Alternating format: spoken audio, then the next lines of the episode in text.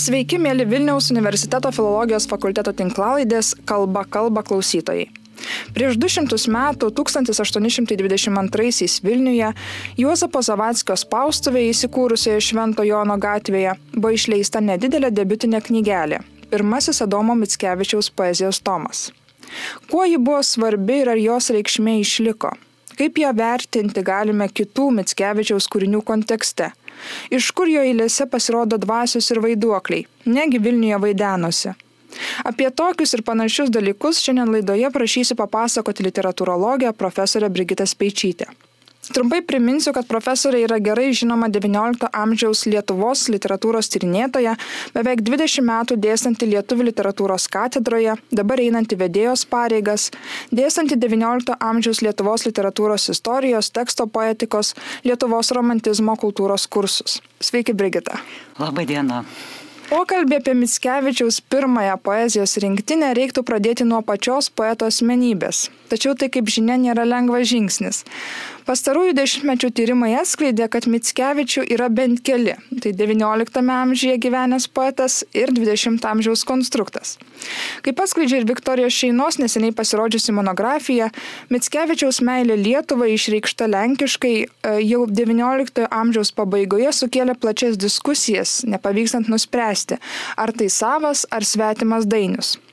Tačiau ar šiandien, kai požiūris į literatūros kanoną keičiasi, plečiasi, tarp tyrinėtojų vis dar aktualus klausimas, kokios tautos poetas jis yra? Taip, ačiū Leonora už klausimą. Jį galima būtų taip atsakyti, kad tarp tyrinėtojų jau toks klausimas e, nebekyla. Iš tikrųjų, galiu, galiu pasidalinti savo e, tokią patirtim e, prieš 20 metų turbūt teko metus man gyventi ir dirbti Varšuvoje. Ir štai tuo metu aš sulaukdavau tokio klausimo, na tai kieno yra poetas Adomas Mitskevičius arba kas jis toks yra, lietuvis ar lenkas. E, bet jų šitas klausimas buvo keliamas kaip e, na, tam tikras pokštas, kaip e, pasierzinimas seniai praėjusio jau išblėsusio ginčio tema. Ir būtent pabrėžiu, tai, tai na, tokio klausimo aš sulaukdavau tarp kolegų. ciągu. Ir e, vienas mano bičiulis polonistas e, e, taip sakydavo, kad jeigu manęs klausia, kas yra Mitskevičius, lietus ar lenkas, aš sakau, kad baltarusis. Ir suprantama, kad šito pokšto esmė yra, yra tas netitikimas tarp 20-ojo amžiaus tautiškumo sampratos, etnokultūrinės modernaus tautiškumo sampratos ir to tautiškumo, kuris buvo būdingas Mitskevičiaus epochai. Tai yra toks atsakymas pašiepia, e, na, tokį anachronizmą, perkelimą e, šio laikinių ar 20-ojo amžiaus kito laiko kategorijų į praeitį. Tai suprantama, kad, kad Mitskevičius gyveno, e, kūrė XIX amžiuje, tai yra modernių tautų formavimosi amžius, jisai tame procese dalyvavo, e, bet jo kūryba ir na, jo paties samoningumas gal kaip tik labiau išreiškia tą pereimą, virsmą, e, pereimą nuo tokio iki modernaus abiejų tautų respublikai būdingo daugelypio tautiškumo atkaklumo, e, prie e, vientisesnio e, na, tautinių, kalbinių, etnokultūrinių požiūrių, grinesnio modernaus tautiškumo.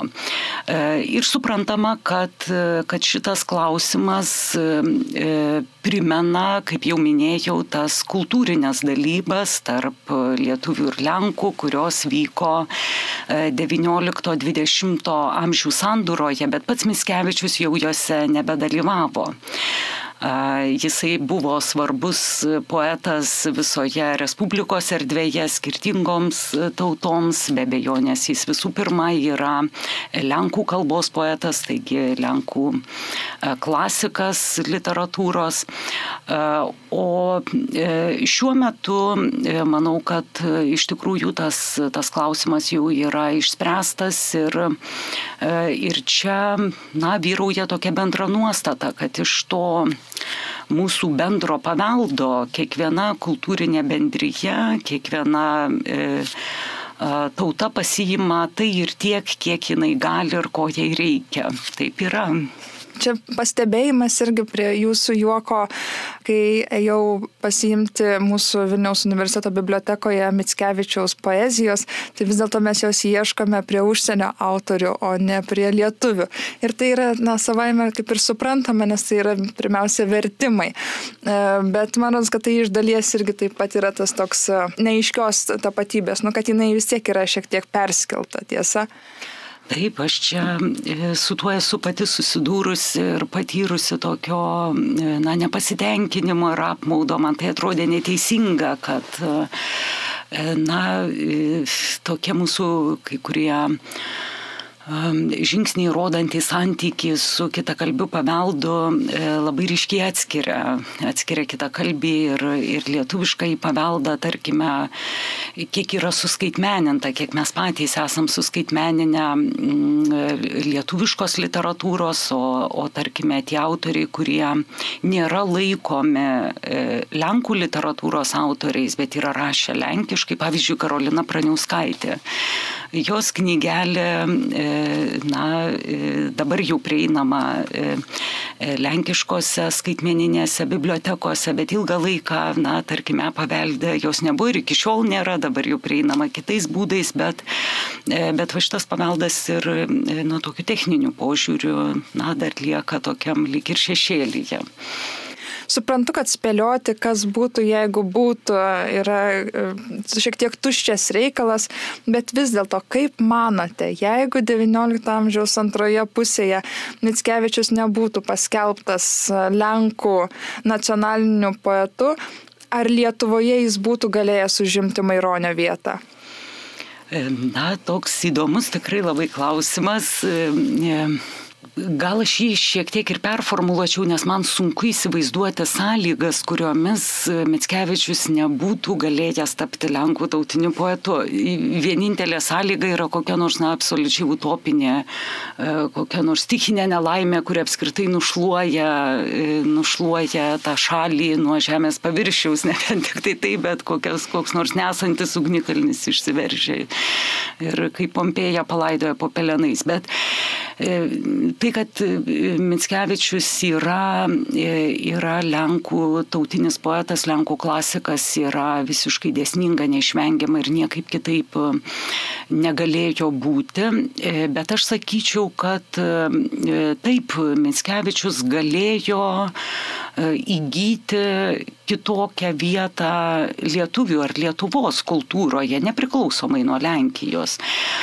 Ir tokių, va štai šitą siužetą jau mes galim e, taip aiškiau įsivaizduoti pagal, na, svarstydami XIX amžiaus Lietuvos kultūros, literatūros raidą. E, na, trumpai tariant, Mitskevičius tikrai būtų buvęs e, ir lietuvių literatūros klasikas, autorius. E, tokiu atveju, jeigu, e, jeigu na, būtų kažkokiu pavydalu e, moderniaisiais laikais gyvavusi Lietuvos didžioji kunigaikštystė su, su savo daugia kalbe, taip pat kultūrinė ir literatūrinė tradicija.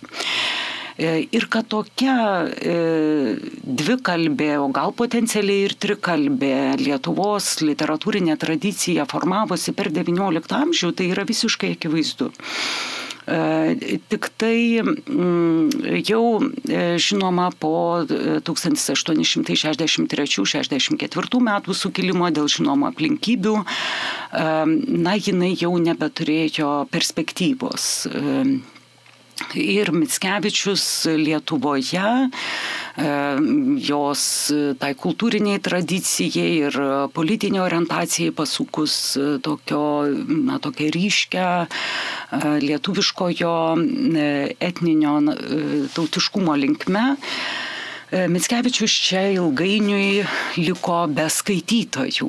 Jisai tiesiog nebeturi adresato, e, nes autorius visų pirma turi būti skaitomas e, originalo kalba tam, kad jis ar ne, ne apskritai galėtų visavertiškai funkcionuoti kultūroje.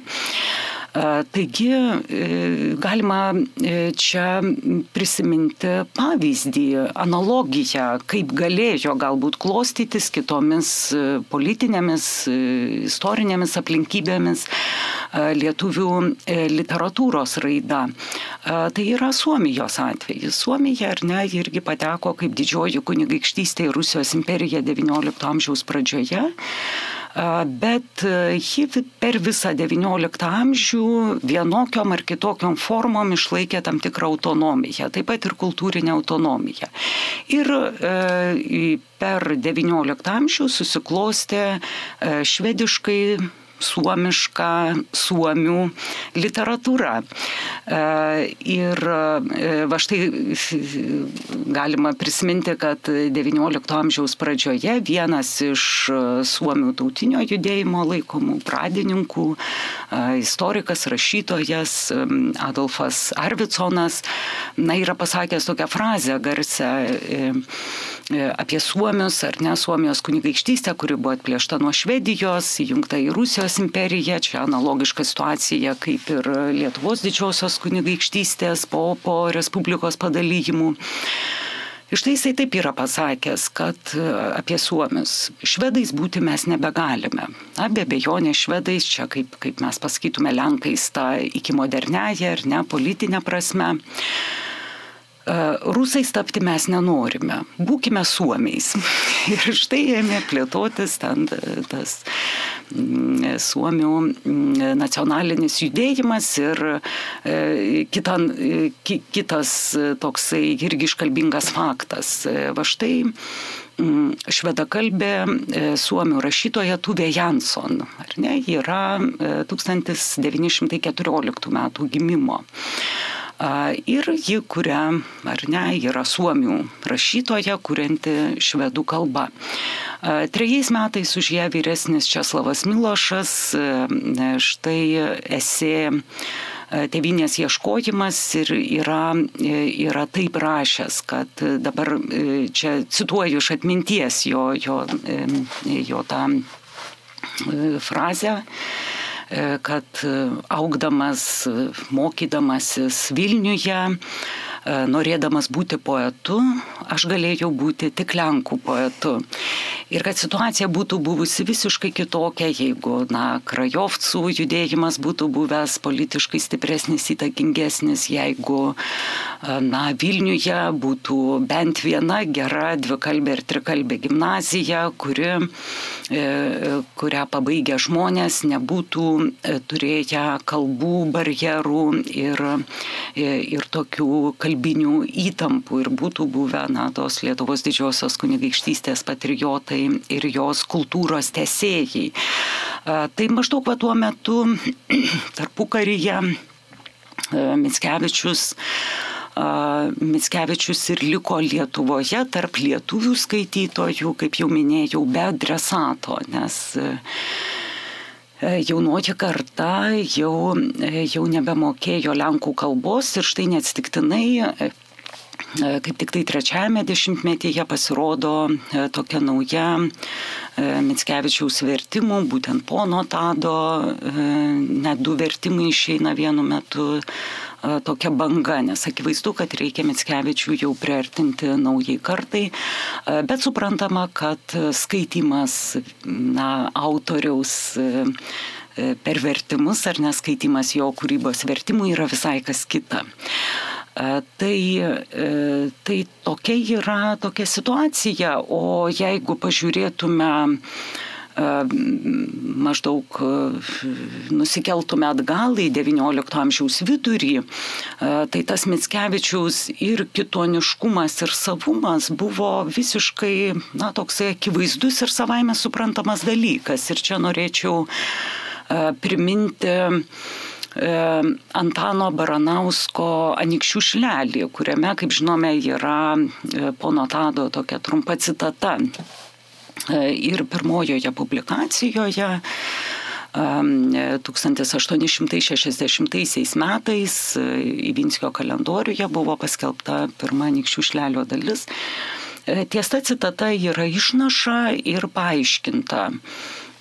Adomas Mitskevičia, būtent taip yra tokia vartojama Mitskevičiaus forma, matome, tradiciškai e, e, sulietuvinta. E, Adomas Mitskevičia, lietuvininkas, Lenkų gesmininkas. Labai gražiai lietuvių miškų grybus aprašė gesmėje Pantadeuš. Taigi yra viskas aišku, ar ne, lietuvininkas, Lenkų gesmininkas, ta Mitskevičiaus tapatybė yra e, lietuviškai rašančiam rašytojui visiškai akivaizdi e, kieno jisai yra poetas, kieno jisai yra autorius e, ir nekelianti klausimų. Bet šitie klausimai be bejonės iškilo jau XIX-XX amžių sandūroje, kaip minėjau. Kalbant apie pirmojo poezijos tomo leidybą, kokią reikšmę ji turėjo mūsų kultūrai? Ar ji svarbi kaip Mitskevičiaus debiutinė knyga. Ar jie galime nužymėti kokį nors platesnį horizontą, pavyzdžiui, kaip romantizmo Lietuvoje, Lenkijoje pradžią? Taip, be abejonės, kad na, literatūros istorijoje jau šita data, 1822 metai, yra įsitvirtinusi kaip simbolinė, būtent kaip minėjote, romantizmo Lenkijoje ir taip pat ir Lietuvoje riba, toksai simbolinis riboženklis. Žinoma, jeigu, jeigu galvotume apie e, lietuvių literatūrą, kuo lietuvių literatūrai šita e, knyga buvo svarbi. E, suprantama, kad čia pirmiausia turėtume kalbėti apie na, tokį romantizmo inspiruotą, taip pat estetinį, kultūrinį judėjimą kaip E, na, liaudės kultūros recepcija profesionaliojoje kūryboje. Tai suprantama, kad Mitskevičiaus e, ciklas baladės ir romansai buvo e, na, labai įdomus, drasus tokios recepcijos eksperimentas, sakytume, ir, ir žinoma labai įtakingas ir vykęs. Tyrėjai e, su Mitskevičiaus publikacija sieja, pavyzdžiui, ir pirmuosius e, lietuvių folkloristikos darbus, kad tai galėjo skatinti susidomėjimą, ieškojimą, e, ypatingai na, to senojo herojinio ir mitologinio folkloro lietuvių. E, todėl kad, na tiesa, ne pirmajame, bet antrajame tome e, Mitskevičius publikavo vėlinių antrą, ketvirtą dalį ir poemą Gražina ir štai viename iš poemos Gražina komentarų jisai paskelbė vertimą senovinės lietuvių dainelės apie kestučio žirgą iš lietuvių kalbos. E, na ir tyrėjai iki šiol to originalo nerado, e, tos dainelės. E, bet, bet pati, na pats tas poetinis kūrinys, komentariai įdėtas yra labai įdomus kaip savotiška poetinė rekonstrukcija. Tai galbūt yra ir paties Mitskevičiaus originalus kūrinys, įsivaizduojant ar ne, arba atkuriant galimas tokios E, liaudės kūrybos formas, labai įdomus tekstas. Bet kartu, kartu ir su baladžių romansų folklorinė poetika, tai galėjo, galėjo inspiruoti, kaip jau minėjau, to senojo folkloro paieškas. Ir štai Stanevičiaus dainė Žemaičių, išleistos 1829 metais, va štai tyrėjo Jurgio Lebedžio, taip pat yra siejamos su galima, taip pat ir Mitskevičiaus poezijos tokia inspiracija, be, be kitų, be bejonės šaltinių. Taip pat su Mitskevičiaus baladėmis galime sieti ir Juratės ir Kastyčio legendos atsiradimą. E, šitą legendą e, Lenkų kalba pirmiausia publikavo e, žemaitis Liudvikas Adomas Jucevičius XIX amžiaus ketvirtajame dešimtmetyje. Ir tas siužetas vėliau paplito ir Maironio buvo įtvirtintas jau, jau poetinę formą. Ir žinoma, Mitskevičiaus baladės, baladžių ir romansų tekstai e, buvo vieni pirmųjų apskritai turbūt chronologiškai tai buvo pirmieji kūriniai išversti į lietuvių kalbą. XIX e, amžiaus irgi maždaug ketvirtajame dešimtmetyje e, yra vienas toksai įdomus anoniminis vertimas įvadinio eilėraščio iš tą ciklą baladės ir romansai E, kuris lenkiškai vadinasi Pirviosnak. E, dabartinis toks nusistovėjęs vertimas yra snieguolė. E, o pirmasis vertimas su labai ryškiomis žemaitiškomis tarnybėmis ir tai rodo, kad tai, tai gana ankstyvas vertimas, jo pavadinimas yra žibakė. Tai yra žibutė, ar ne, žibuoklė. Ir nu, čia jeigu truputį nukrypsiu, labai įdomus E, va štai įdomios kultūrinės transformacijos teksto m, verčiant į lietuvių kalbą. Žemaitijoje ar, ar kitose, kitose Lietuvos regionuose, na kas yra ta pirmoji pavasario gėlė, ar ne? Tikriausiai žibutė. Originaliai Mitskevičiaus yra raktažolė. Aš nesu e, kokia nors e, čia tradicinės botanikos ir vaizdinių tyrėja, bet aš pati raktažolę esu pažinusi tik tai jau kaip tokį sukultūrintą darželio augalą. O iš tikrųjų esu būtent Vilniuje, e, Rybiškėse, mačiusi raktažolėmis, tomis laukinėmis apaugusią kalvą. Ir tomis geltonomis ten yra ta geltona aukso spalva, taip pat Mitskevičiaus eilėraštė poetizuojama. E, tai greičiausiai yra šito regiono augalas ir, ir būtent raktažolė kaip pavasario augalas. E, bet lietuviškai tai nekelia tokių, tokių simbolų simbolinių asociacijų ir neturi tos pirmosios pavasario gėlės reikšmių, dėl to, dėl to verčiama kaip snieguolė, ar matome e, to pirmojo vertėjo žibakė, žibutė. Mes iš tikrųjų turime įspūdingą vertėjų sąrašą, kaip ir minėjot, tie vertimai pasirodo labai anksti ir, ir, ir tikrai daug žinomų vertėjų yra bandę bent po vieną ar kelis eilėraščius, kai kurie į rinkinius versti, um, taip pat ir poemas. Turime kai kurių eilėraščių net po kelis variantus ir kurių netgi pra, prasmės požiūrių, kai kuriuos galima net interpretuoti skirtingai dėl to, kad jie yra skirtingai išversti. Ar tai liudija, kad Mitskevičių versti sunku, ar tai, kad jisai įkvepia tiek daug vertėjų ir ar jau tikrai mes turime visą jį išvertę? Na, Mitskevičiaus vertimų gausa ir, ir na, e, sakytume, tas e, laikas ar ne, chronologinė apimtis vertimų, kaip jie išsidėsto per kiek jau dabar artėjam prie, prie antro šimtmečio, kai Mitskevičius yra verčiamas į lietuvių kalbą. Tai rodo, manau, kelis dalykus. Visų pirma, kad Mitskevičius e, buvo suvokiamas e, kaip savas rašytojas, kad jo reikia ir lietuviškai, ar ne? Va taip funkcionuoja dvikalbė literatūra. Dėl to XIX e, amžiuje be bejonės jis, jis verčiamas iš tokių kultūrinio įsisavinimo paskatų, tokio artimo, artimo rašytojo, kurį reikia turėti ir lietuviškai, nes iš tikrųjų kito, taip logiškai sunku suvokti kitą motyvą, nes išsilavinusiems žmonėms buvo prieinami originalai, kam, kam tie vertimai.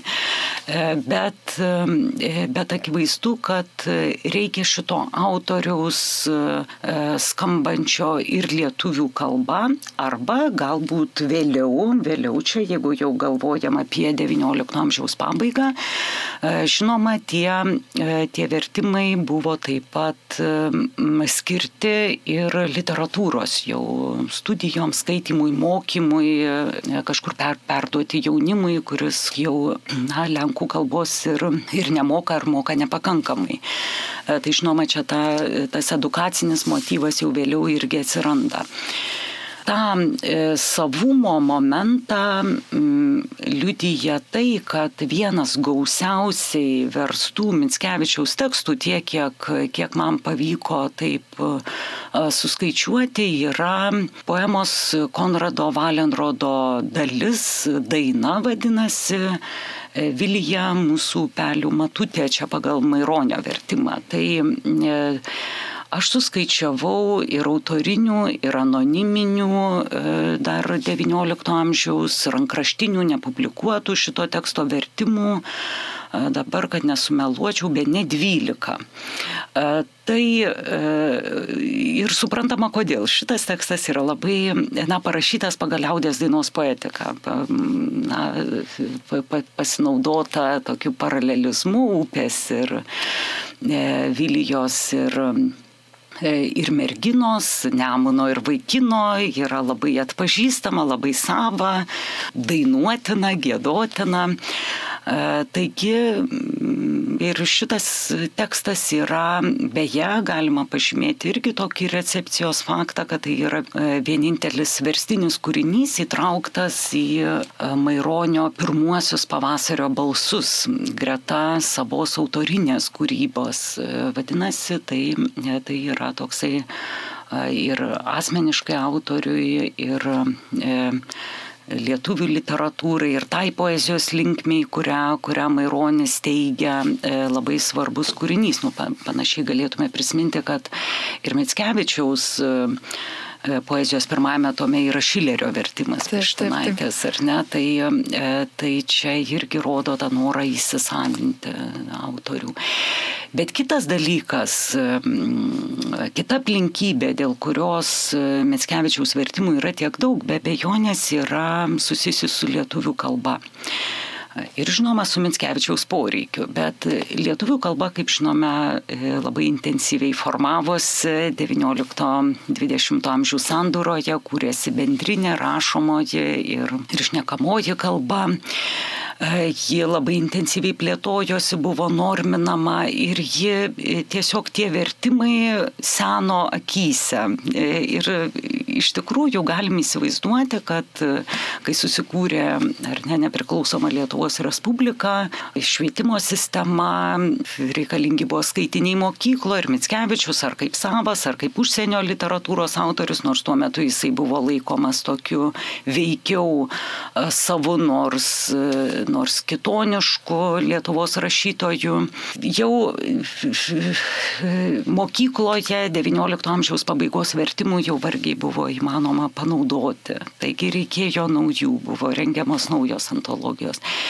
Lygiai tas pats, galima sakyti, praėjo dar keli dešimtmečiai jau, na, skaitant dabar Valaičio ir ypač Šakenio pono Tado vertimą, jau nebeįmanoma E, jo adekvačiai priimti. Dėl to e, dar viena tokia e, Mitskevičiaus jau šio laikinių, na, kanoninių, iki dabar skaitomų vertimų banga jau yra pokarį. Maždaug šeštas, aštuntas dešimtmečiai, kai yra išversti pagrindiniai Mitskevičiaus ir stambieji kūriniai. Ir Konradą Valenrodą Putinas išverčia ir publikuoja labai anksti, 47 metais ir suprantama, kad šitas kūrinys buvo skirtas arba jo ėmėsi Putinas galvodamas apie okupaciją, sovietinę okupaciją ir valenrodizmo laikysenos naują aktualumą.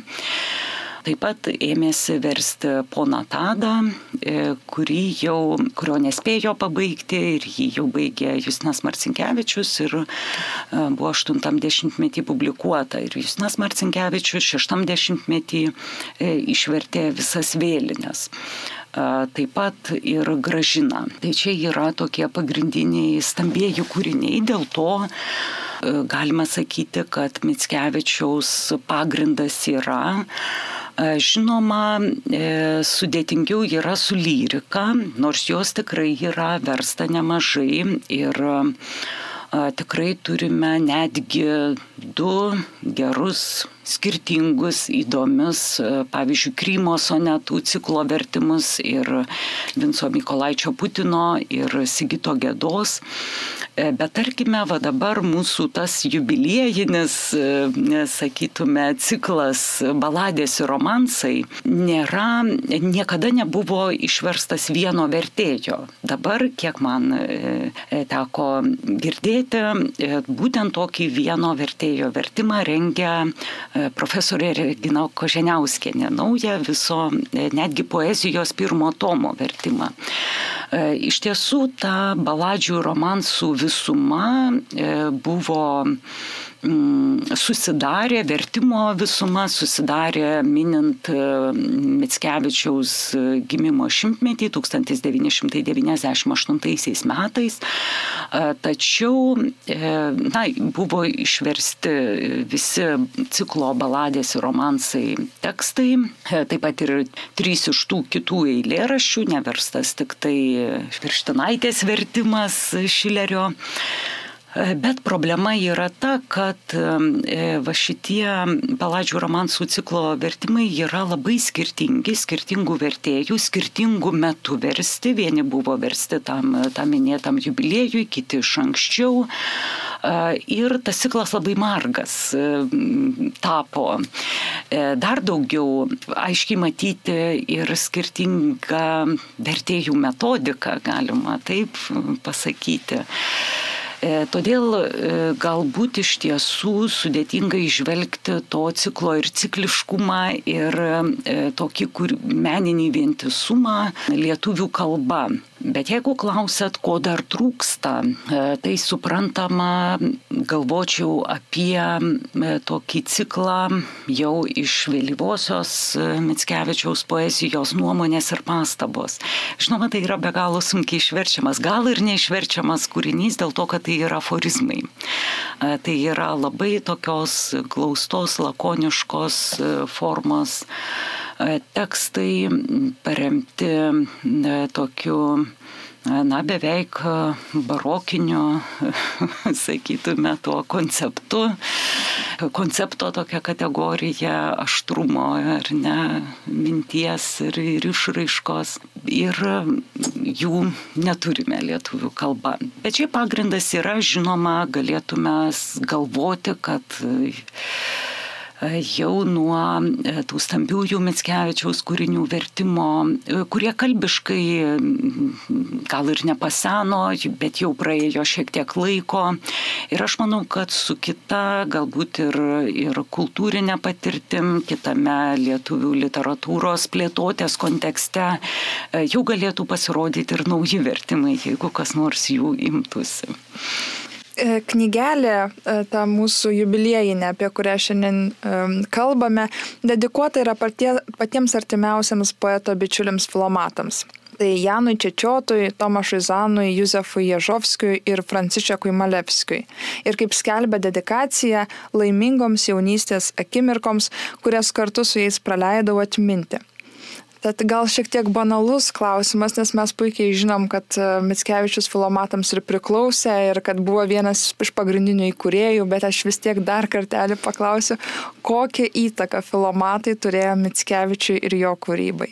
E, na taip, šitie, e, šitie jaunuoliai čia paminėti buvo artimi Mitskevičiaus bičiuliai, galėtume netgi taip sakyti, pagrindiniai jo artimieji. Tai buvo jo artimieji.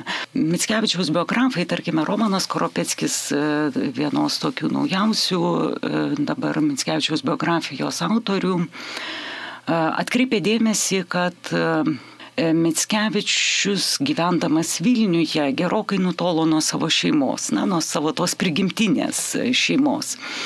Galbūt iš dalies tai buvo ir, ir normalu, įprasta, tuo metu, tomis aplinkybėmis e, iš tiesų tie jaunuoliai išvažiuodavo ilgam e, iš namų, bet iš tiesų, e, aš tai biografas atkreipė dėmesį, kad, kad Mitskevičiaus laiškai rodo jo daug artimesnį, intimesnį ryšį su draugais, tarkime, negu su broliais. Mitskevičius ir ne vieną brolį turėjo. Taigi galima sakyti, kad šitie, šitie bičiuliai buvo buvo jo šeima. Mitskevičius natūraliai išvažiavęs iš, iš savo namų, pateko į e, universitetą ir į tą jaunimo aplinką kaip visai kitą socializacijos terpę ir ją pats labai kartu su bičiuliais filomatų draugijoje labai intensyviai ir nuosekliai kūrė. Tai buvo jų pačių susikurta aplinka, kurioje vyksta tas naujos asmenybės, sakytume, bildungas, ugdymas, ar ne visai kitoks negu ne, toje tradicijoje tradicinėje aplinkoje, šeimoje, e, miestelyje, iš kurio, iš kurio Mitskevičius kilo, mokykloje, kurią jisai baigė. Jam reikėjo kažko kito, ar ne? Ir va štai tas bendravimas su su Jonu Čečiotu, Juozapu Jašovskiu, Pranciškumi Malevskiu E, be abejo jam buvo ta, e, ta kita, e, kita aplinka, kurioje jisai skleidėsi ir kaip poetas, ir kaip intelektualas, ir kaip būsimasis politikas. Jų santykiai pirmiausia čia nesiplečiant rodo na, paties Mitskevičiaus tekstuose, filomatų kūryboje, taip pat ne vieno tyrinėtojo iškeliamas, pastebimas, na, tiesiog draugystės kultas. Tai buvo ta bendruomenė. E, bet galvojant apie dedikaciją, e, ji apskritai yra įdomi ir literatūriniu požiūriu. Ji buvo ganėtinai provokatyvi. Apšvietos literatūroje buvo įprasta dedikuoti kūrinius kam nors rašyti paskirtus literatūrinius tekstus, ar rodės, ar, ar poetinius laiškus. Tai buvo visiškai, visiškai įprasta praktika, tik tai tie, kad, pavyzdžiui, įprasta buvo dedikuoti vis tiek kokiam nors gerbiamam, žinomam žmogui. Čia yra dedikuojama tuo metu niekam nežinomam jaunimui, jaunuoliams. Ir dedikuojama iš visiškai privačių asmeninių paskatų, laimingoms jaunystės akimirkoms atminti, kurias mes praleidom kartu ir apie kurias niekas nežino ir, ne, ir neturi žinoti. Tai kodėl ta vieša dedikacija čia įdedama ir ką jinai reiškia? E, tai iš tikrųjų žymėjo besikeičiantį ir pačios poezijos pobūdį ir joje e, įgaunant pati reikšmę autobiografinį kontekstą. Tai, ką žymi šita literatūra, tai yra, kad ši poezija yra kilusi iš niekam nežinomos, ar ne, labai asmeniškos, intimios autoriaus patirties. Ir nors tai nėra akivaizdu, bet baladės ir romansai taip pat yra ir poezija jungiama intimaus e, autoriaus e, autobiografinės patirties siužeto. Jis nėra visiškai akivaizdus, nors žinoma, tarkime, yra ir toks dedikuotas eilėraštis siunčiant bičiuliams baladę patinka. Jisai vėlgi nurodo į tą pačią tokią bendruomenę autobiografinę, bet, bet apskritai tie tokie motyvai yra išbarstyti. Be to, e, dar reikia paminėti ir tai, kad, tarkime, e, Mitskevičius į romansą Dudorius, Dudaš įtraukė, pacitavo Tomo Zano trioletą, kuris tuo metu nebuvo publikuotas. Bet tai yra tokia ir e, sakytume, bendruomeninės autorystės kūryba, bent jau jos tam tikras elementas. E, taip šitie mm, paminėti bičiuliai tam tikrų mastų yra ir poezijos bendrautoriai, nes jie dalyvavo autobiografinėme kontekste, iš kurio kilusi šitą poeziją. Šią progą paminėsiu ir kitą man labai tokį įspūdingą, savitą dalyką, tai yra Jono Čečioto epitafija e, Ratnyčios kapinėse prie druskininkų Jonas Čečiotas yra palaidotas ir ant jo antkapio lenkų kalba yra iškalta tokia epitafija, kuri lietuškai skambėtų taip. E, jo vardas susijęs amžinų ryšių su Adomu Mitskevičiumi ir Tomu Zanu.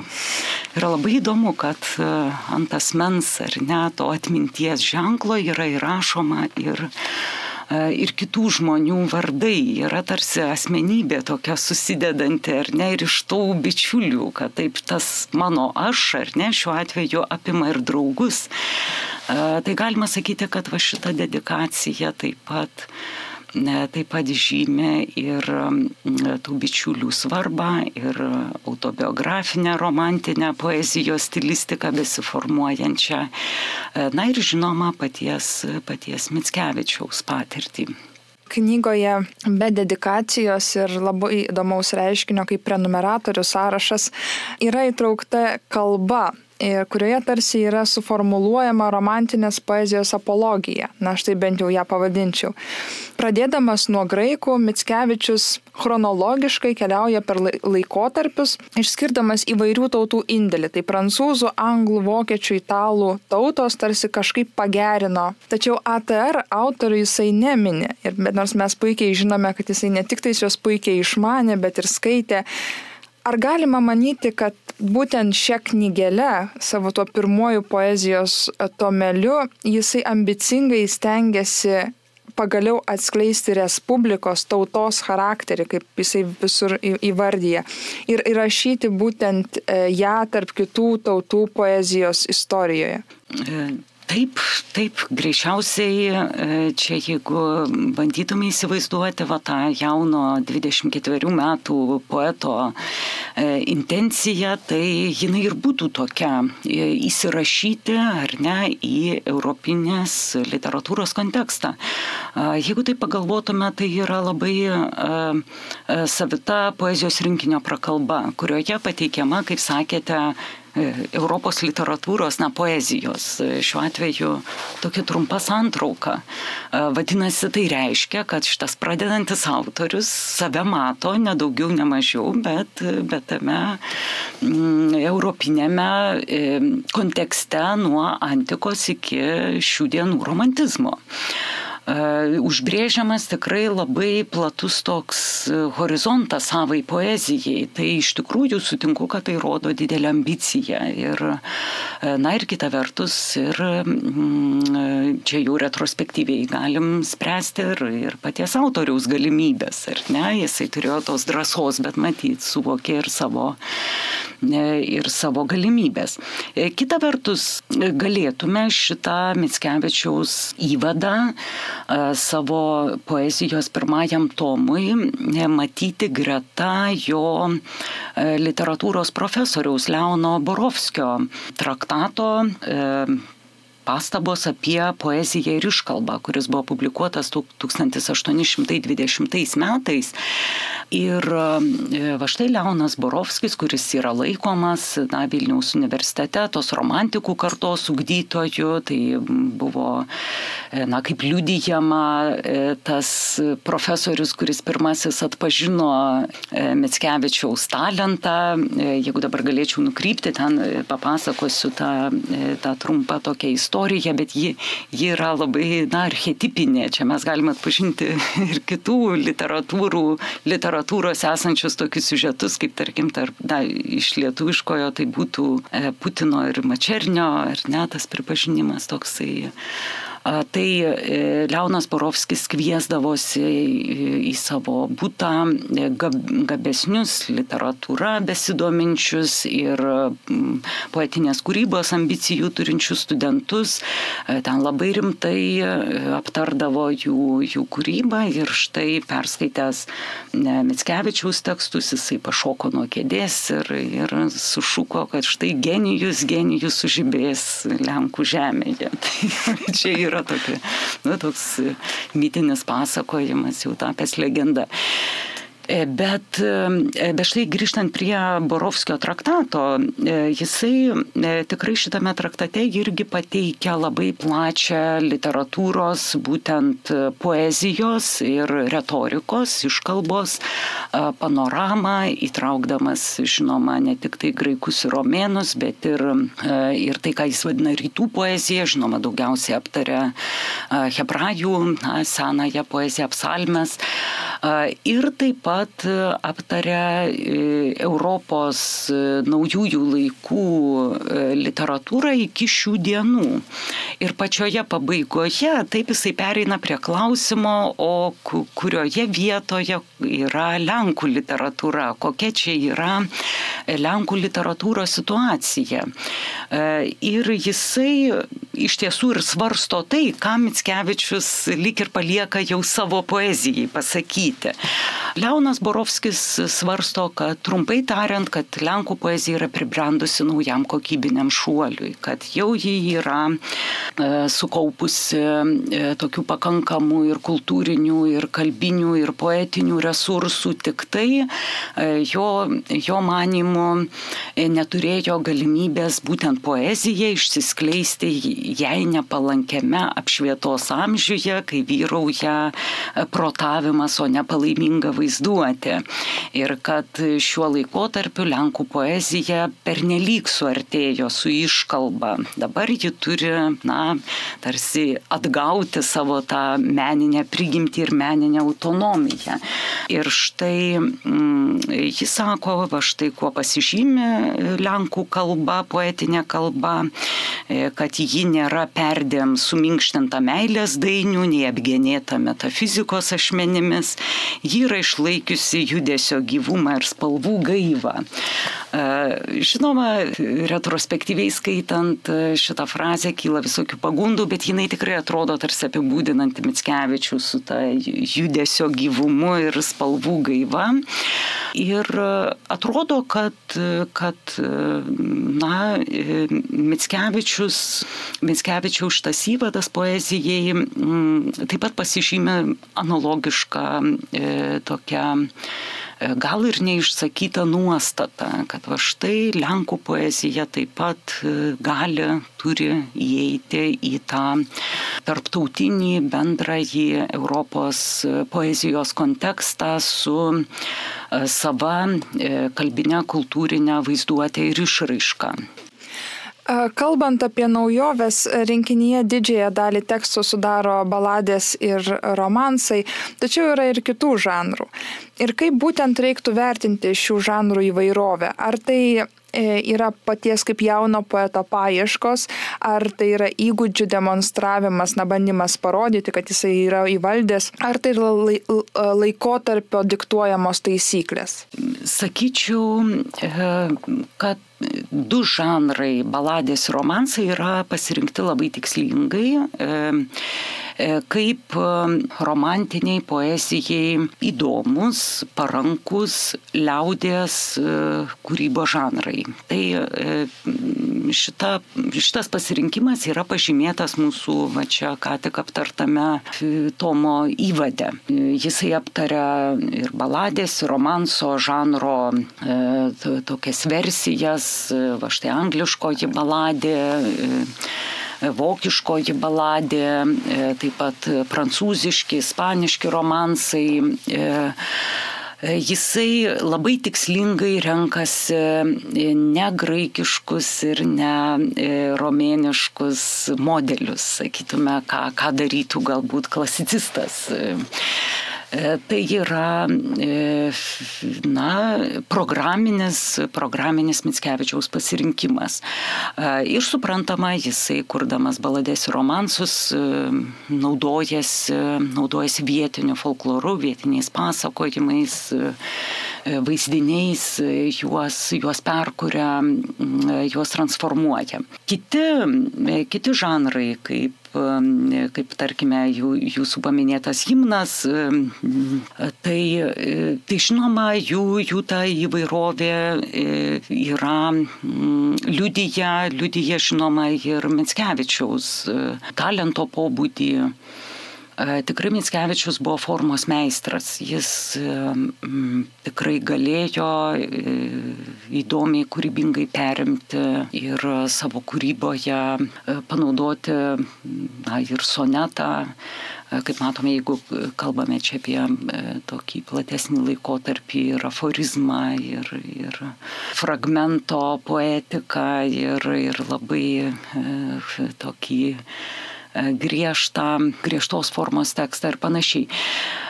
Ir epinį, ir lyrinį Galiausiai čia galima prisiminti ir Mitskevičiaus debutą 1818 metais eilėraščių miesto žiema. Jis buvo išspausdintas Vilniaus laikraštyje Tigodnik Vilenski. Ir šitas eilėraštis parašytas tobulą klasicistinę poetiką. Vadinasi, Mitskevičiaus debutas neleistų e, jam priekaištauti taip kaip e, rektorius Jonas Nedeckis savo e, straipsnėje apie klasikinius romantinius raštus priekaištavo na, tokiam kolektyviniam romantikui, ne, neįvardindamas jų. Tai šitas straipsnis buvo publikuotas tas eh, prieš, dar prieš Mitskevičiaus debutą 1818 metais. Tai jis na, išsako tokią mintį ir tiesiogiai ir netiesiogiai, kad romantikai laužo literatūrinės formas ir kanonus dėl to, kad jie yra nemokšos. Tinginiai nenori pavarkti, nenori pasimokyti, pastudijuoti ir ima tai, kas, kas yra po ranka, kas lengviausiai pasiekiama, visokie, kaip jisai rašo, bobų plepalai, čia jis turi mintį folklorą ir, ir, ir, ir panašiai. Tai Mitskevičius kažkaip simboliškai, nežinau, kiek tai buvo tikslinga, kiek ne, greičiausiai ir ne. E, bet jo pirmasis publikuotas eilėraštis yra toks, kad jo niekas negalėtų apkaltinti tingumų formai. Netgi kaip tik atrodo, kad ta klasicistinė poetika miesto žiemoje yra tokia tobula, kad ji jau kažkaip ir išsėmė visą savo galimybės. Ten jau autoriui nebėra kur toliau judėti. Taip, manau, kad, kad Mitskevičiaus tie žanrų pasirinkimai buvo ir tikslingi, ir, ir liudijo jo e, poetinės kalbos diapazoną. Ne tik poezijos tomuose, bet ir visoje Mitskevičiaus kūryboje e, dažnos yra dvasios, gyvenu mirėliai, vaiduokliai. Kuo Vilniaus romantikus e, žavėjo spiritizmas? Taip kaip tik tuo metu, kai Mitskevičius e, studijavo, vėliau e, išvyko, e, kaip žinome, iš Vilniaus dirbti mokytojų Kauno apskrities mokykloje, bet bendravo su, su savo bičiuliais Vilniuje kaip tik tuo metu Lietuvoje ir konkrečiai Vilniuje e, e, buvo labai populiari e, vadinamoji vitalinio magnetizmo teorija ir praktika. Dar ji vadinama mesmerizmu pagal šitos teorijos ir praktikos kurėjo austrų gydytojo Antono Mesmerio pavardę. Šitas gydytojas savo teoriją kūrė ir propagavo XIX e, amžiaus pabaigoje, tai yra XVIII amžiaus pabaigoje, XIX amžiaus pradžioje, kaip tik amžių sandūroje. Ir maždaug apie antrą dešimtmetį ji pasiekė ir Vilnių. Porą metų nuo 1816 iki 18 Vilniuje netgi ėjo specialiai šitiems klausimams skirtas leidinys Vilniaus magnetizmo dienoraštis. Jį leido Ignacijus Leknickis, Vilniaus universiteto absolventas ir tame žurnale buvo taip pat aprašomi va, tie magnetizmo sensai Ir žinoma, e, magnetizmo teorija ir ypač praktika, kuri turėjo, sakytume, tam tikrų hipnozės ar, ar, kaip dabar galėtume sakyti, lyg ir bioenergetinio gydimo elementų rankomis, uždedant rankas ar, ar įvedant, įvedant tą magnetizuojamą į, į, į transo būsenas ar na, kitokias nekasdieniškas psichinės būsenas. Šita praktika tapo madinga, ji skatino smalsumą tarp, tarp Vilniaus miestiečių ir, ir taip pat jie domėjosi ir filomatai. Tai, ką jūs minėjote apie e, Vilniaus universiteto profesorius, tai yra žinoma, kad e, maždaug apie 1814 metus e, žymus Vilniaus universiteto profesorius medikas Josefas Frankas nusprendė patikrinti šitos teorijos ir praktikos, kuri pretendavo, na, ir tuo metu buvo ir laikoma, ir pristatoma kaip, kaip mokslinė teorija istoriją, e, jis nusprendė patikrinti e, jos pagristumą. E, ir jis pats atlikdavo eksperimentus, būtent tuos seansus ir taip pat juose dalyvavo ir Vilniaus universiteto studentai medikai, paskui ir patys bandydavo atlikti va štai tuos, tuos magnetizmo seansus. Taigi čia šita žinia apie apie tokius ir, ir susibūrimus, ir, ir va, tas, tas tokias keistas praktikas, jinai tikrai sklido ir e, magnetizmu domėjosi tarp filomatų, ypatingai Tomazanas. E, kaip matyti iš laiškų, kiti filomatai bičiuliai jį taip lengvai pašiepdavo ir nežiūrėdavo rimtai. Jiem, jiem tai atrodė ar keistenybė, ar, ar na, toksai nerimtas, nerimtas reikalas. Bet juk žinome, kad magnetizmo e, tam tikrų idėjų esama Tomo Zano inspiruotos spindulingųjų draugijos veikloje ir, ir pats pavadinimas yra, yra susijęs su ta mesmerizmo idėja, jog visi gyvi organizmai e, pasižymė e, tam tikrą jutimiškai neapčiuopiamą, nematomą energiją, kurią gali perduoti kitiems E, paveikti kitus žmonės arba kad nuo šios energijos apytakos tarp žmogaus organizmo ir, ir visatos, nuo šios apytakos priklauso ir, ir žmogaus fizinė sveikata ir panašiai. Ir tuo, tuo remiasi ta praktikuota gydimo metodika. Bet štai filomatai, filomatai, kaip matyti iš jų laiškų, ne tiek domėjos išskyrus Zaną e, tuo magnetizmu, e, kiek jie ieškojo būdų, e, kaip sutelkti jaunimo bendruomenę, kas juos patrauktų kartu, kas tai yra, kaip, kaip susikūrė ta platesnė bendruomenė jungianti, išjudinanti atmosfera.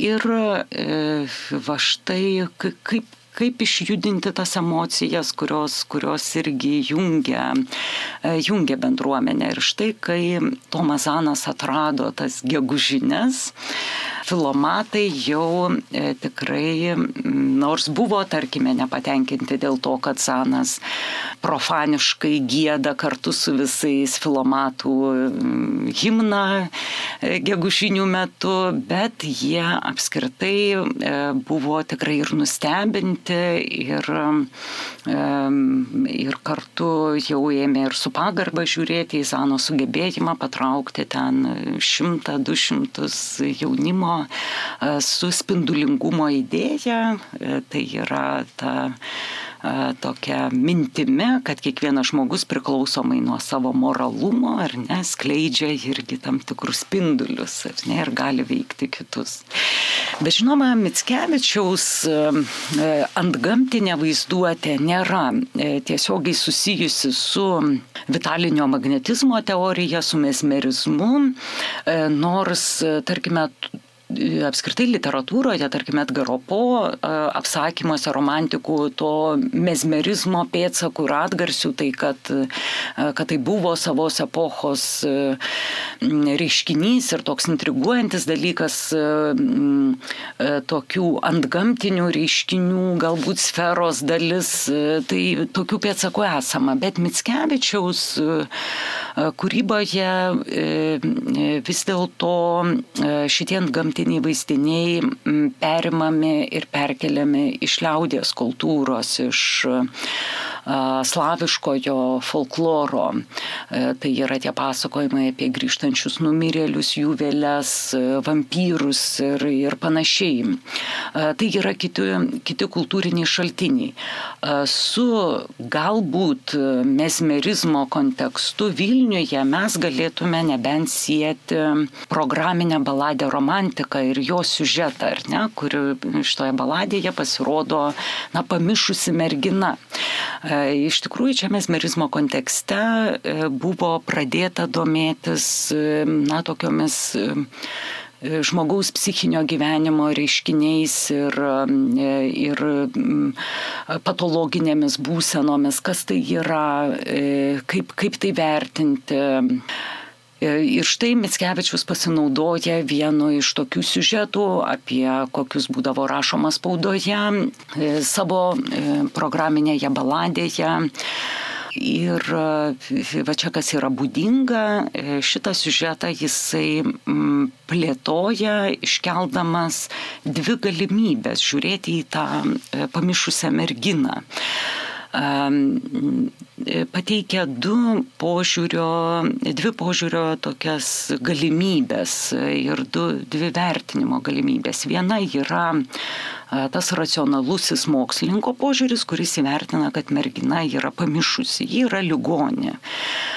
O kitas požiūris yra e, atstovaujamas ten tokio ir išreiškiamas kolektyvinio veikėjo liaudės, žmonelių tunto, kaip, kaip verčia e, Kornelijus Platelis. E, taigi liaudis e, žino, nediagnozuoja, sakytume, e, nepriskiria merginą vienai ar kitai kategorijai, tarkim, sveikųjų ar ligonių, e, bet vadovaujasi liaudžiai prieinamų žinojimų, kas čia nutiko. Tai yra e, miręs mylimasis, jo vėlė aplankė karusę, nes gyvas jis ją mylėjo ir ne, tokia visai kita logika.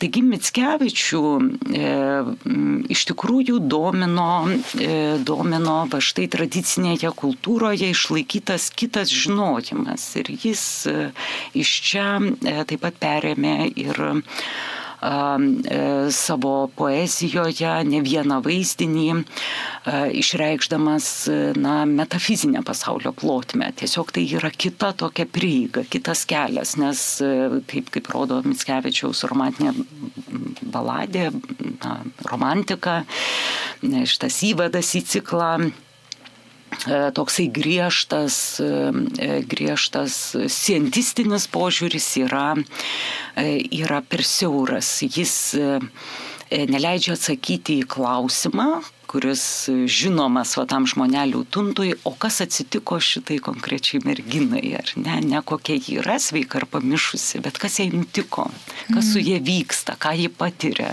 ką ji išgyvena.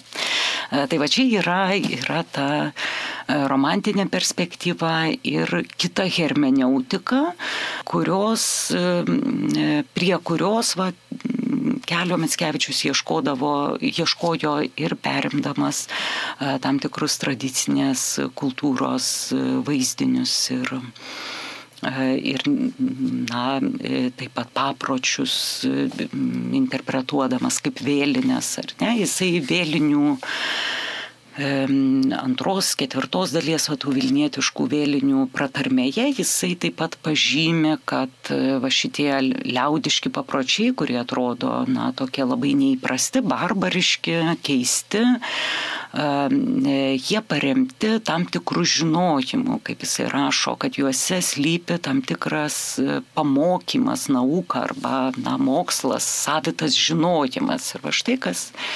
Mitskevičiui įdomu yra būtent va šitas kitoks pasaulio supratimas, kurį jisai įtraukė į tokią ryškę individualistinę viziją kaip vėlinėse.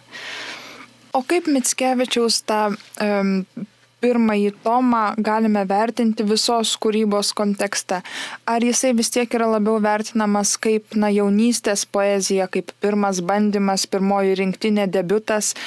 E, ypač lyginant su vėlesnė piligriminė, tokia, sakykime, jo kūryba, kuri parašyta tremtyje, užsienyje, ar e, stipriai skiriasi, gal, gal galėtumėte įvardinti, kokie pagrindiniai bruožai, kaip Mitskevičius pasikeičia e, savo kūryboje? E, kaip minėjau, e, kalbėdama apie Mitskevičių kaip formos meistrą, tai, e, tai galima mm, tai matyti ir iš visos jo kūrybos. Iš tikrųjų, mm, Mitskevičius kaip autorius patiria labai tokią intensyvę raidą, kad tam tikru etapu jam pačiam jo ankstesnė kūryba jau atrodo nutolusi ir jisai ją kartais žvelgia iš šalies ar intertekstualiai ironizuoja, e, kaip tarkime vėlinių, e, vilnietiškųjų vėlinių tam tikrus fragmentus po netade, o vilnietiškose vėlinėse ironizuoja odė jaunystėje savo e, tą filomatiškąją kūrybą ir, ir panašiai. Tai, tai žinoma, kad net jeigu žiūrėsime tarkime, į poetinę dramą Vėlinės, e, e, kuri rašyta tokiais dviem etapais, ar ne, taip ir skiriama pagal publikacijos vietą Vilnietiškosios ir Dresdeno Vėlinės, tai atrodo kaip du atskiri kūriniai. Aišku, jie turi ir, ir tas jungtis, kurios, e, kurios yra labai laisvos, bet bet ir, ir stilistikos požiūriu, ir ir problematikos požiūrių, tai, tai yra labai kitoniškos, e, kitoniškos dalys. Suprantama, kad, kad Mitskevičiaus e, ta meninė kaita yra yra tikrai, tikrai intensyvi. Bet apie baladės romansus ir jų vietą Mitskevičiaus kūryboje galima pasakyti, kad taip, tai žinoma yra tas e, debutas, tas simbolinis romantizmo pradžios ženklas. Ir galima paminėti, kad taip vėliau Mitskevičius irgi yra parašęs vieną ar kitą baladę, nors tokiu mastu prie, prie šitų žanrų, baladžių romansų jisai jau nebegrįžo e, kaip jam būdinga, e, bet e, įdomus čia yra paties Mitskevičiaus vertinimas, kaip jisai pats vertino savo kūrybą. Jo manimu, jisai per visą savo kūrybą nuo baladžių romansų estetikos nenutolo. kad visa jo kūryba yra va štai užkoduota, sakytume, jos ta pradžia užkoduota e, baladėse ir romansuose.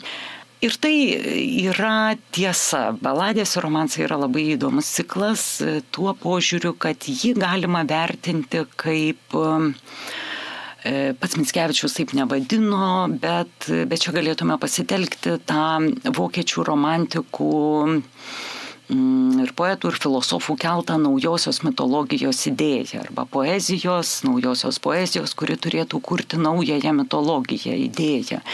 Tai yra maždaug tokia mintis, kad naujoji poezija, būtent romantinė poezija, turi būti tokia kūryba, kuri įveiktų vis labiau ryškėjančias skirtis tarp skirtingų, kaip dabar sakytume, diskursų, skirtingų žmogaus kūrybingumo formų tarp e, būtent mokslo, e, religijos ir meno, tarkime, tarp filosofijos ir mitologijos kalbos, tarp, tarp religinės vaizduotės ir mokslinės vaizduotės.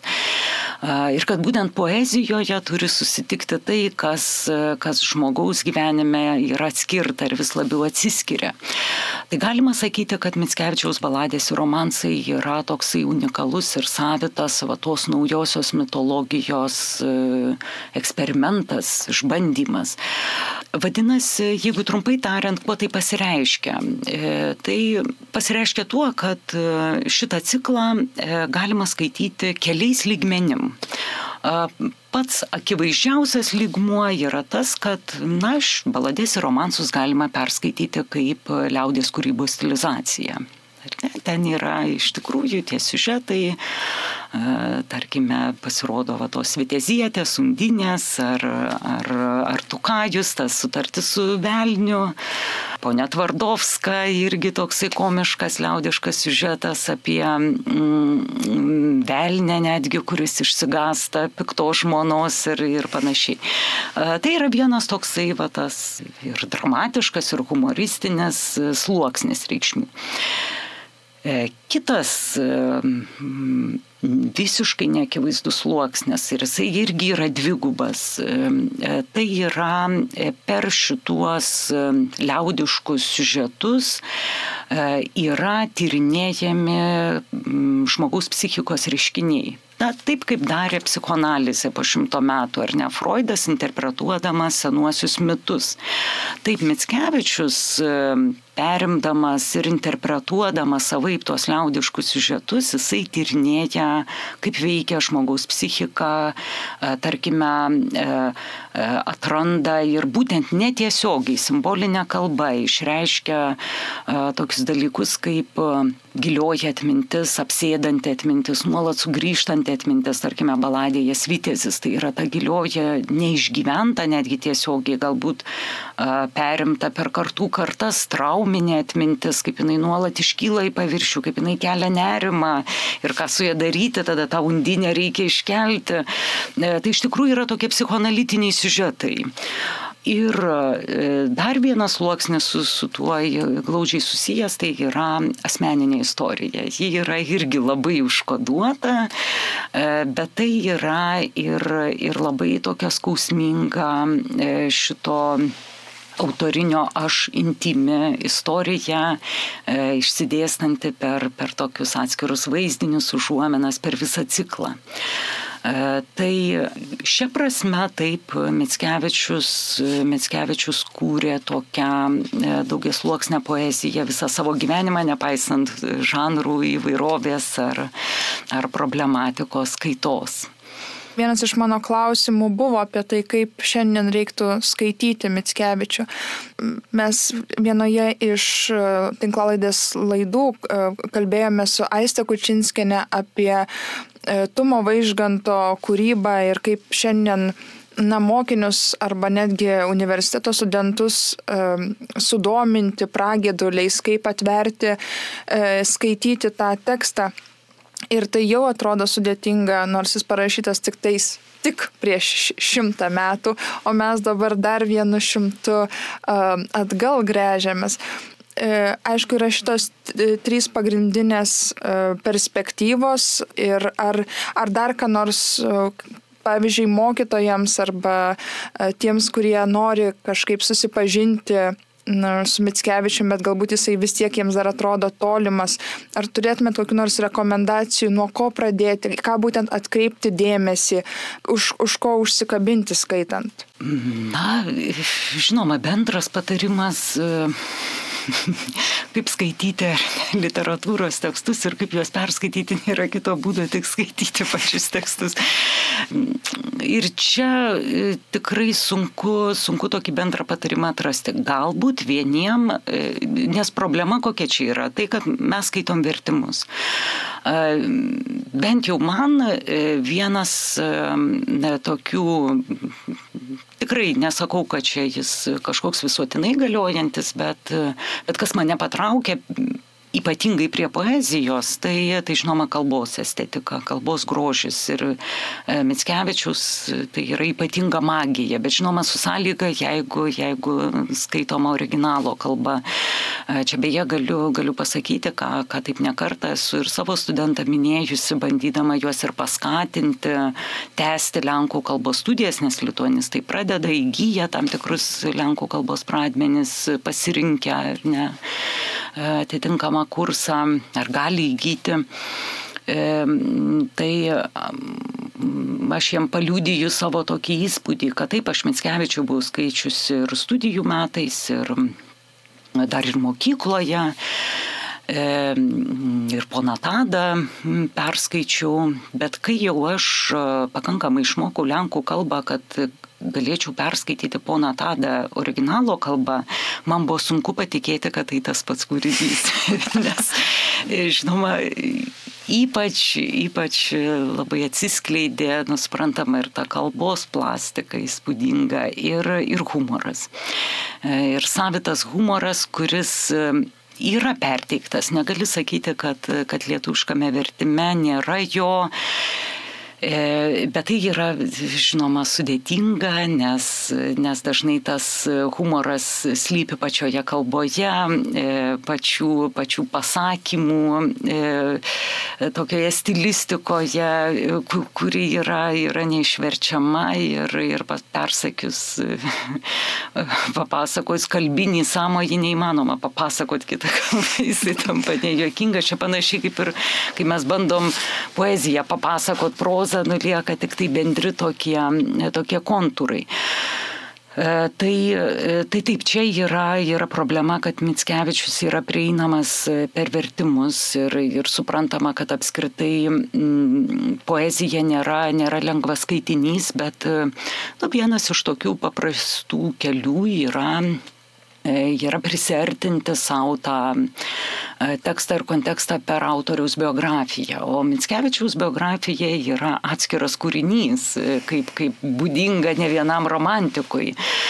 Tai ir juo labiau, kad, kad pats Mitskevičius kūrė, sakytume, labai, labai nuosekliai ir labai įdomiai tą romantinę autobiografinę poeziją. Dėl to čia biografijos, autoriaus biografijos skaitimas yra labai natūralus šitame kontekste, todėl kad e, tuo paremtas yra autoriaus, sakytume, tas meninis, meninis metodas. E, ir e, šiuo metu yra išėjusi mano, mano minėta Romano Koropeckio, ukrainiečių, amerikiečių mokslininko biografija anglų kalba, ji yra prieinama tikrai labai išsami, paremta tikrai šaltiniais. Va štai galima, kas, kam įdomi tokia prieiga, tikrai, tikrai manau, kad ji, ji pagelbėtų prisertinti prisertinti savo Mitskevičių. Galbūt iš tikrųjų e, galima pradėti nuo tokių tekstų, kurių, kurių kaip jau minėjau, yra arba daugiau vertimų, ar e, tikrai yra kokybiški, tai yra, pažiūrėjau, Krymo sonetai. Galima pradėti Mitskevičių skaityti nuo Krymo sonetų. Suprantu, kad ilgą laiką buvo teikiama pirmenybė tiems Mitskevičiaus poezijos vertimams ir, ir tiems tekstams apskritai, kurie turėjo ryšį su Lietuva. Tų sąsajų tyrimai, jų atskleidimas, na kartais pripažinkim net mitologizavimas, polemikos dėl jos savitumo ir svetimumo. Atrodo, kad neretai mūsų žvilgsnis sukausitas tokiuose geografiniuose rėmuose, nebematant pasaulinės reikšmės, tarsi viskas apie Lietuvą ir Lenkiją. Tačiau gatvių aikščių pavadinimai Prancūzijoje ar Italijoje byloja, kad e, yra recepcija ir užsienyje. Ir tarsi suponuojama, kad jo svarba yra europinė. Kaip Europa, o na, šiuo atveju gal net ir plačiau, e, priėmė ir priima Mitskevičių? E, Taip, be bejonės e, Mitskevičius yra, yra ir e, Europos rašytojas, e, Europos poetas ir toks jis jau buvo savo gyvenamų metu, jisai sulaukė to žinomumo, pripažinimo ir už Lietuvos ir Lenkijos ribų ir netgi galima pasakyti, kad, kad dėl cenzūros po 1830-31 metų sukilimo, tarkime, visi Mitskevičiaus kūriniai e, išskyrus e, pirmuosius du tomus publikuotus Vilniuje ir sonetus publikuotos Maskvoje, visi kur, kiti kūriniai buvo cenzūros draudžiami Lietuvoje, jie tik tai galėjo sklisti čia e, e, nelegaliais, slaptais būdais, pogrindyje. E, tai žinoma, kad Mitskevičius buvo labiau prieinamas net ir šituo požiūriu, tarkime, tarkime Europoje. E, bet čia turėtume vis dėlto pasakyti, kas garsino Mitskevičių, dėl ko jisai buvo garsus. Ir e, vis dėlto lieka atviras klausimas, kiek Mitskevičius buvo žinomas iš jo literatūros kūrinių, kiek jis buvo skaitomas ir perskaitytas. Nes kiekvienas autorius priklauso ir nuo vertimų, ir, ir apskritai tokios kultūrinės politikos, kuri, kuri padeda tam, to autoriaus tekstams visų pirma pasiekti, pasiekti užsienio skaitytojus. Ir žinoma, čia apie Mitskevičių galima sakyti, kad taip jis, jo tekstai buvo, dar jam gyvama esant verčiami ir į prancūzų, į rusų, vokiečių kalbas. Jis buvo pažįstamas ir iš tekstų metų, bet kita vertus tą jo europinį garsą e, lėmė ir kiti dalykai. E, pavyzdžiui, Apie Mitskevičių garsas pasklido Europoje tuo metu, kai, kai jis buvo ištremtas į, į Rusiją ir pagarsėjo Maskvos kosmopolitinio elito salonuose kaip įspūdingas improvizuotojas. Mitskevičius tikrai turėjo nepaprastą improvizatoriaus talentą ir dabar kaip liudyjama jisai galėdavo sukurti tūkstančius eilučių, pavyzdžiui, per vieną vakarą spontaniškai Jis e, improvizuodavo prozą prancūzų kalba, e, o poeziją lenkų kalba. Ir štai būtent e, Rusijoje, ar ne, tas toks liberalių, kosmopolitinių pažiūrų elitas e, susidomėjo, ar ne, ir pirmiausia, Mitskevičiumi susižavėjo kaip improvizuotų ir ėmė versti jo, jo kūrybą į rusų kalbą ir, ir ėmė sklisti žinia e, apie jį Europoje kaip apie Šiaurės Baironą. Mm, bet tai nebūtinai reiškia, kad Europa nuodugniai pažino e, Mitskevičiaus tekstus. E, kitas momentas, kuris tikrai labai garsino Mitskevičių, bet vėlgi nebūtinai tiesiogiai susijęs su jo kūrybos skaitimu, tai yra jo slavų literatūros paskaitos Collège de France e, penktajame dešimtmetyje. Čia jis taip pat, taip pat buvo žinomas kaip, kaip toksai romantikas, poetas, literatūros istorikas, pateikęs tokią labai savitą e, literatūros viziją. Mm, e, Koropeckis, pavyzdžiui, taip ir mm, vertina e, Metskevičiaus slavų literatūros paskaitas Paryžiuje kaip improvizacijas tik tai jau, jau literatūros istorijos temomis, kurios irgi sutraukdavo daugybę e, skaitytojų ir, ir panašiai. Ir jos taip pat būdavo prancūzų kalba. E, ir trečias dalykas, dėl kurio e, Mitskevičiaus vardu taip pat yra pavadintos Europoje gatvės, e, tai Mitskevičiaus kaip laisvės kovotojo garsas, kaip to, kuris dalyvavo kovose už Europos tautų išsivadavimą iš imperijų, tironijos.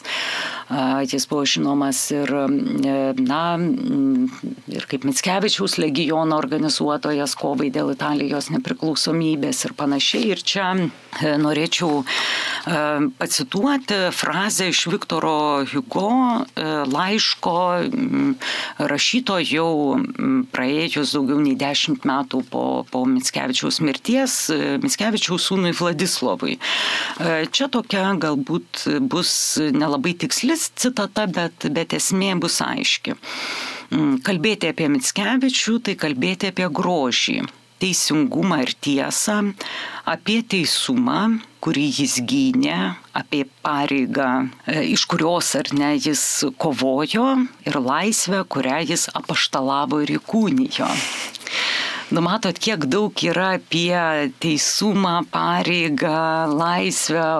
Taip yra grožis, bet, bet jis retoriškai kažkaip uh, mažiau siejamas su, su Mitskevičiaus tokia veikla. Taip yra paminėta ir, ir grožis, ir teisingumas, ir tiesa, bet vis dėlto did, na, didesnis akcentas, sakytume, tie Mitskevičiaus va, būtent viešojo veikimo momentams, laisvę, kurią jis apaštalavo ir, ir įkūnijo. Žinoma, galėtume sakyti, kad įkūnijo ją ir savo kūryboje, be abejonės.